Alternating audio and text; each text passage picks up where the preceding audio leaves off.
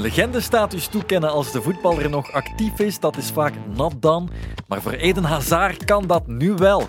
Want de 126-voudige Rode Duivel stopt er officieel mee.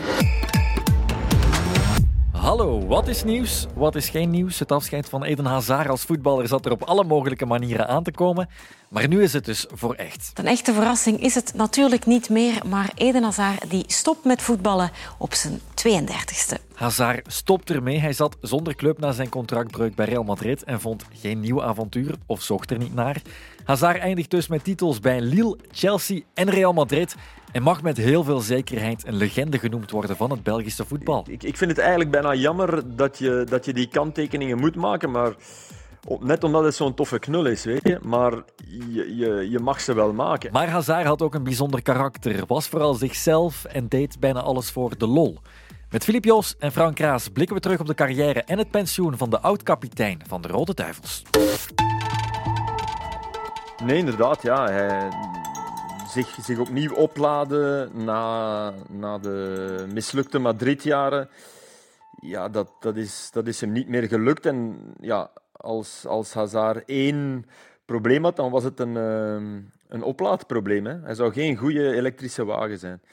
Uh, maar hij was wel een Formule 1 op, uh, op, op, op vele wedstrijddagen. Dus ja, uh, jammer, maar uh, ook niet getreurd, want hij treurt er niet om, dus waarom zouden wij treuren? De Formule 1-wagen die Eden Hazard was, toonde zich vooral in zijn hoogdagen bij Chelsea. Hazard won tussen 2012 en 2019 twee titels bij de Londenaars, een Europa League en twee nationale bekers. Vandaag gaat het uiteraard veel minder bij Chelsea. Manier 1 om de kwaliteit van Hazard te meten, volgens Filip. Ik heb uh, vele wedstrijden van Chelsea gedaan en, en ik kan je zeggen, uh, een Chelsea zonder Hazard, dat is toch iets helemaal anders. Sinds hij daar uh, weg is, is toch ergens het licht uit. Dus dat, de, de van Hazard meet ik veel meer af aan, aan wat hij bij Chelsea heeft nagelaten en de leemte die daar toch is achtergelaten. En niet dat ze geen geld hadden hè, om uh, te proberen hem te vervangen. Hij heeft trouwens ook nog een mooie cent opgeleverd. Dus uh, in de geschiedenis van Chelsea is hij, ja, is hij van niet te, niet te overschatten grootte. Dus wat dat betreft, uh, fenomenaal. Eden, Eden, Eden. The Garden of Eden op Stamford Bridge. Hier komt hij. Korte aanloop. En kijken naar de keeper. Hazard, jawel, Chelsea richting de finale. De triomf van het Engelse voetbal. Met de kanttekening dat er ook wedstrijden waren waarin je hem, uh, waarin je niet zag. Hè. Als je als City begon Chelsea te overvleugelen in het voetbal, ja, dan, dan had je eigenlijk uh, behoudens één wedstrijd, denk ik, waarin hij één fabelachtig doelpunt maakte. Maar dan, dan voelde hij zelf ook wel van, ja, dit, dit is een andere manier van voetballen waarin ik niet meer gedij, waarin ik niet meer door louter Hazard te zijn die matchen nog naar mijn, uh, naar mijn hand kan zetten. Dat, dat vond ik wel dat je zag. En dat, dat heeft hij me ook eens met zoveel woorden bevestigd, dat uh, toen uh, Maurizio Sarri uh, waar ze trouwens uh, ja, in, in de kleedkamer allemaal een beetje mee lachten. Wel respect voor hadden, maar tegelijk toen hij, toen hij daar op, zijn sigaretten zat te bijten, want hij mocht niet meer roken, de coach, dan zat de hele Chelsea-kleedkamer achter, achter zijn jas uh, verscholen een beetje te lachen. Maar toen Sarri hem als valse, valse negen wou zetten in dat soort wedstrijden, omdat hij hem niet links kon zetten, omdat ze werden overlopen, als ploeg, hè. dat was niet Hazard zijn fout, maar als ploeg, dan dacht Sarri, ja, hij is mijn beste speler, hoe dan ook, dus ik ga hem dan maar op, op, op de valse negen zetten, diep in de spits, dan moet hij wat minder lopen. En dan zei hij tegen Sarri, coach, maar je moet mij niet opstellen. Hè. Uh, voel je niet verplicht. Bedoel, als je, als je voelt dat het zonder mij moet, doe maar. En dat tekent hem natuurlijk ook ergens. Is, dat de ware topsportmentaliteit? dat zal eeuwig de vraag zijn die rond hem hangt. Hè. Als, je, als, je, als je hoort dat, uh, dat er ploegmaats van vroeger nu zeggen van ja, ik heb nooit iemand zoveel rijstpap zien eten voor. Dan, dan ja, in, in de hemel eet je rijstpap. Hè. Hazard heeft altijd zijn, zijn, zijn eigen hemel gecreëerd. Uh, gouden lepeltjes uh, bij overvloed. En kon zichzelf niet pijn doen om, als het tegensloeg, daarover te gaan. Maar ik ben wel super blij dat we in het tijdperk Hazard uh, geleefd hebben, dat we hem uh, hebben zien voetballen, dat we er hebben van kunnen genieten. Wij allemaal. En met de kwestie en de persoon Eden Hazard moesten we ook bij Frank Raas uitkomen als ex-Porza gezicht en commentator. Frank weet hoe snel het eigenlijk al over was voor Hazard na zijn transfer naar Real Madrid in 2019. Ja, hij was het moe. Hè. Ik bedoel, hij was iemand die altijd graag voetbalde. Hè. Iemand die plezier uitstraalde. En dat plezier was ja, met, uh, met de tijd bij Real Madrid helemaal verdwenen na die blessure. Zijn campagne bij Real Madrid is ja, één grote mislukking, hè. je kan niet anders zeggen. En uh, hij is eigenlijk al jaren een beetje een afscheid aan het nemen, heb ik de indruk. Mm-hmm. bij, bij, Real heeft hij zich nooit thuis kunnen voelen, omdat hij daar niet de enige verdette was. Hè. Bij Chelsea was hij de man en alles was een beetje op hem afgestemd, toch? Maar bij Real ja, kwam hij de ene verdette na de andere tegen. En aan concurrentie eh, van Vinicius onder meer, dat, dat heeft hij eigenlijk. Joh. Hij kon dat mentaal ook niet meer opbrengen. Dat kon je goed zien. En, en, ja, en het bewijs is eigenlijk ook dat hij bij Real Madrid arriveerde. Hè. Hij stapte over naar misschien wel de grootste club ter wereld, qua reputatie en qua titels. En dat hij dat niet kon opbrengen om dan fit aan te komen bij de eerste training, dat zegt al zeer veel natuurlijk. Hè. Natuurlijk is dat ook een heel verhaal geworden. Is dat wel waar, niet waar? Maar, maar echt dik stond hij niet. Maar hij trainde ook niet graag. Hè. Dat, dat, hij voetbalde graag, maar trainde deed hij niet graag. Dat is algemeen bekend. En want er is ook gezegd van ja, er is geen luiere speler gesignaleerd op training dan Eden Hazard. En hij deed het allemaal voor de lol en die lol was er wel af bij hem de laatste jaren. Dat was voorbij, ja. Hazard was een voetballer waarvan je zonder twijfel kon zeggen dat zijn persoon buiten het veld exact overeenstemde met wie hij was op het veld. Ja, dat denk ik wel. Ja, is echt uh, ja, zondagskind. Hè. Uh, ik, ik, mag niet zeggen dat ik uh, Eden Hazard goed ken, maar een paar keer toch wat langer met hem, met hem kunnen praten zonder dat er een camera bij was, dus niet, niet echt interviewgewijs. En dan ja, dat is gewoon echt een tof ventje. uh, die, die het leven heel rustig neemt. En, en ja. Ik bedoel. Ik, ik vind het eigenlijk bijna jammer dat je, dat je die kanttekeningen moet maken, maar net omdat het zo'n toffe knul is, weet je. Pas manger trop d'hamburger mais, non, mais l'hamburger en soi, c'est important après le match. Maar je, je, je mag ze wel maken. En ik denk ook wel dat we ook niet, niet, niet, niet heel flauw moeten doen. Hij, hij was zich ook wel bewust van een zekere macht die hij had. Door, door, uh, door het feit dat hij dat, dat buitensporige talent had. Hij kon zich ook wel, denk ik, uh, boven coaches zetten. Hij kon zich... Maar op een goede manier, hè. Maar hij wist ook wel dat hij Martinez in zijn zak had, denk ik. Dat, dat, dat, dat wist hij wel. Kan en hij wist ook wel dat Sarri hem uiteindelijk toch wou opstellen. Maar hij heeft wel gezegd, ja, eigenlijk klopt het niet dat ik speel en Trossard niet. Dat heeft hij wel gezegd. En dat is toch een uitspraak die knap is tegelijk, maar die ook wel weer bijna wraakroepend is. Want je zou moeten zeggen, ja, je bent echt wel intrinsiek echt 70% beter dan Leandro Trossard. En daarmee doe ik Trossard niet tekort, hè, want Hazard is intrinsiek beter dan heel veel, veel van de voetballers. Ja, dan mag je je er eigenlijk ook niet bij neerleggen. Weet je? Dan is die uitspraak tegelijk knap voor de mens die hij is, maar tegelijk schrijnend voor de voetballer die hij ook op dat moment nog had moeten en kunnen zijn. Het WK in 2022 in Qatar betekende zijn pensioen als Rode Duivel, waar hij sinds de oefeninterland tegen Frankrijk in 2015 ook de kapiteinsband droeg. En dan natuurlijk de man op wie het alle ogen zijn gericht vandaag hier in het Stade de France. Eden Hazard, de aanvoerder hier voor het eerst als aanvoerder zometeen het veld opwandelen. Maar zeven jaar later was het onherroepelijk voorbij. Hazard haalde zijn niveau niet meer, ook al hield Roberto Martinez koppig het vertrouwen in zijn kapitein. Um, Roberto Martinez heeft dat nog wel een aantal keer geprobeerd, ook uh, via toernooien zelfs, om hem, om er hem weer bij te halen. Maar dat is eigenlijk ook op een halve mislukking uitgedraaid. Hij speelde niet slecht, maar de, sprankel was weg, de demarrage was ook veel minder geworden.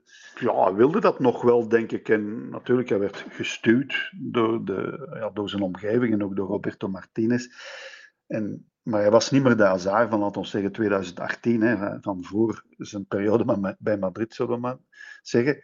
Dat, dat was over. En ja, ze hebben nog wel geprobeerd, maar er waren zoveel signalen dat hij het zelf een beetje moe was. Hè, dat hij dat niet meer kon opbrengen en zich wou terugtrekken bij zijn gezin. En hij wou ook in Madrid blijven wonen, want al die kinderen bleken daar, of blijken daar gelukkig te zijn. Dus een, nog een verhuis naar welk land dan ook, dat zag hij ook niet zitten. Dus daarom stoppen. Hè. En ook wel, ik denk, laten we zeggen, goed genoeg verdiend om nog wel even voor te kunnen. Hazard is een familieman, scheiden zijn werelden ook niet. David Beckham gewijs met een superster aan zijn zijde, wil een leven in de kalme schaduw. Hij kiest nu ook onder andere voor zijn familie, niet uh, om nog eens wat te gaan proberen bij een andere club, maar het gevoel dat hij te weinig uit zijn carrière gehaald zou hebben, dat ziet Philippe niet bij hem opkomen. Maar ik denk niet dat hij dat voelt. Nee. Ik denk niet dat hij ooit uh, vroeging of spijt zal hebben. En, en wij kunnen dat hebben omdat we, we weten wat, wat voetballers er intussen allemaal voor doen en voor laten. Ja, hij heeft dat niet gekund, maar dat is ook dat is deel van het, uh, van het pakket. Hè. En het enige wat ik vind is, wat, wat jammer is, hij, hij, heeft, hij heeft ongetwijfeld, was hij mede aanleiding voor de benaming Gouden Generatie van de Rode Duivels. Maar als je kijkt naar, naar prestaties op eindrondes, dan zie je dat hij uh, op, op het WK eh, één assist tegen Japan uh, in de, in de knock-outfase. Hè, want daar gaat het om. Hè. We gaan het niet hebben over wedstrijden in de, in de groepsfase. Daar wonnen we altijd met onze Rode Duivels, met, met die talentrijke groep. En in 2016 een goal en, op het EK een goal en een assist tegen Hongarije. Maar oké, die werden getraind door Bernd Stork, dat zegt alles. En uh, een assist tegen Wales, de, de, ja, de schande match tegen Wales. En een assist, hè, dat was uiteindelijk Raja Nainggolan die die bal binnenjaagt, denk ik. Dus dat was geen eh, Hazard-assist. Ja, dat was het, weet je, in, die, in de, in de knock-out fases. En dan, dan doen de echte groten, de, de, de mannen die ook uh, als het slecht gaat of als het moeilijk gaat, een ploeg bij de hand nemen. Snap je, hij had, hij had de kans om ons tegen, tegen Argentinië, de 1-0 die waarmee we verliezen in 2014, ja, toch niet.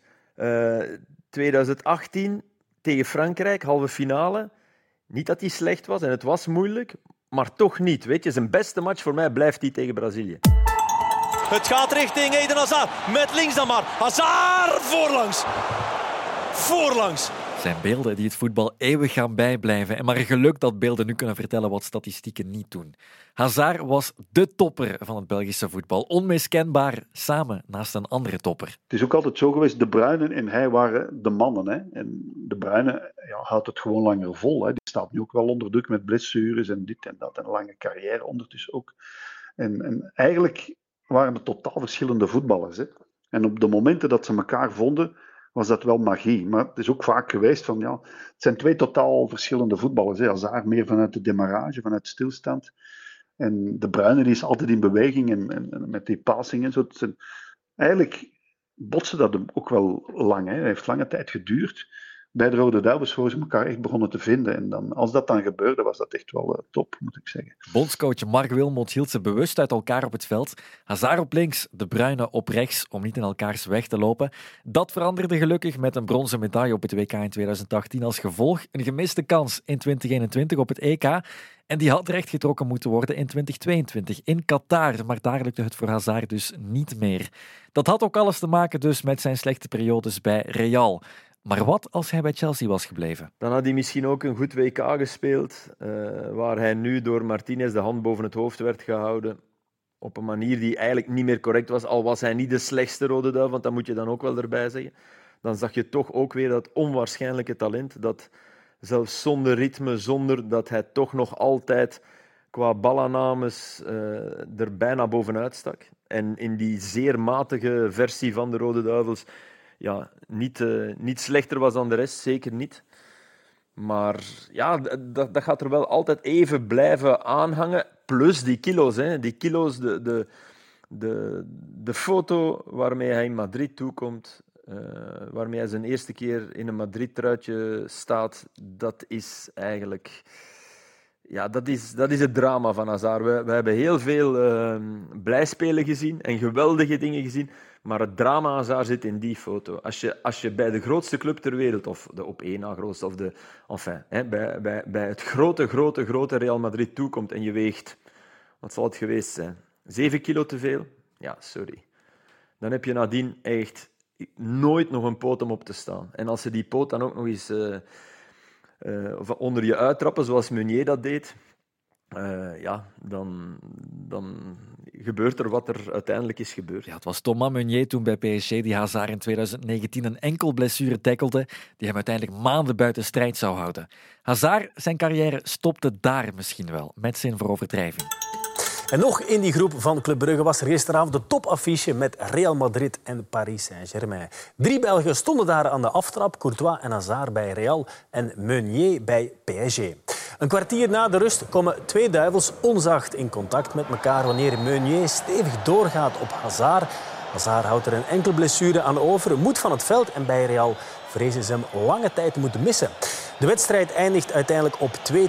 PSG is al zeker groepswinnaar. Madrid eindigt als tweede. En dan moet de beoordeling gemaakt worden op de periode ervoor, de topjaren van Hazard. Waar plaatsen Frank en Philippe hem dan tussen de beste Belgische voetballers aller tijden? Top 5 in alleszins. Hè. Ik bedoel, eh, van die gouden generatie dus. Company, De Bruyne, Hazard, Thibaut Courtois. Hè, daar hoort hij zeker bij. En hij was misschien wel de getalenteerdste technisch van allemaal. Hè. Dus die, die beweging en ook allemaal van, van nature. Hè. Fantastisch. Nee, nee, is absoluut bij de top. Want je hebt natuurlijk de oudere generatie. Keulemans en dan nog vroeger Van Imst, Mermans, dat is nog langer geleden. Om dat allemaal te vergelijken, dat is zeer moeilijk. Maar hij is qua technisch vermogen en, ja, doorzicht op bepaalde momenten en ook ja, traptechniek, alles, het, het, het zeer veel. En op de vierkante centimeter kunnen dribbelen ja, dat kon alleen Rick Koppes nog, maar dat is dan zo lang geleden dat het bijna onvergelijkbaar is. Maar daar heeft hij wel iets van zo. Ja. Maar alleen was hij natuurlijk een modernere voetballer in een ander tijdperk. Maar absoluut de top, ja. De Bruine, misschien wel de allergrootste als ik persoonlijk mag uh, kiezen. En dan heb je Van Moer, Van Imst, uh, ja. Koppes.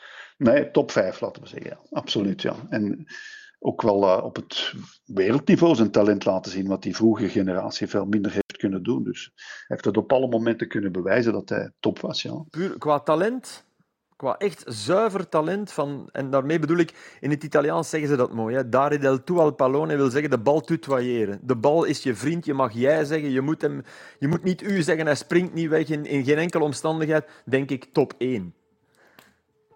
Mhm. Dus één. maar, maar als je dan alles in ogenschouw neemt, ja, dan zit je. Goh, ja, top 5. Hè. En moet je dan naar top 3 gaan, dan doe je er misschien uit het verleden een aantal tekort. Um, dus wat mij, wat mij betreft uh, hoort hij in de top 5. Ja. Voilà, ondertussen heb je de Italiaanse leuze al ergens in je notities geschreven om straks te gebruiken bij vrienden en collega's. Je gaat ermee scoren, want het is de zuivere waarheid. Eden Hazard was op het veld de beste vriend van de bal en zal zo herinnerd worden als een van de beste Belgische voetballers aller tijden. U krijgt tijd om nostalgisch te mijmeren en morgen weer aan te sluiten voor een nieuwe Sportsa Daily.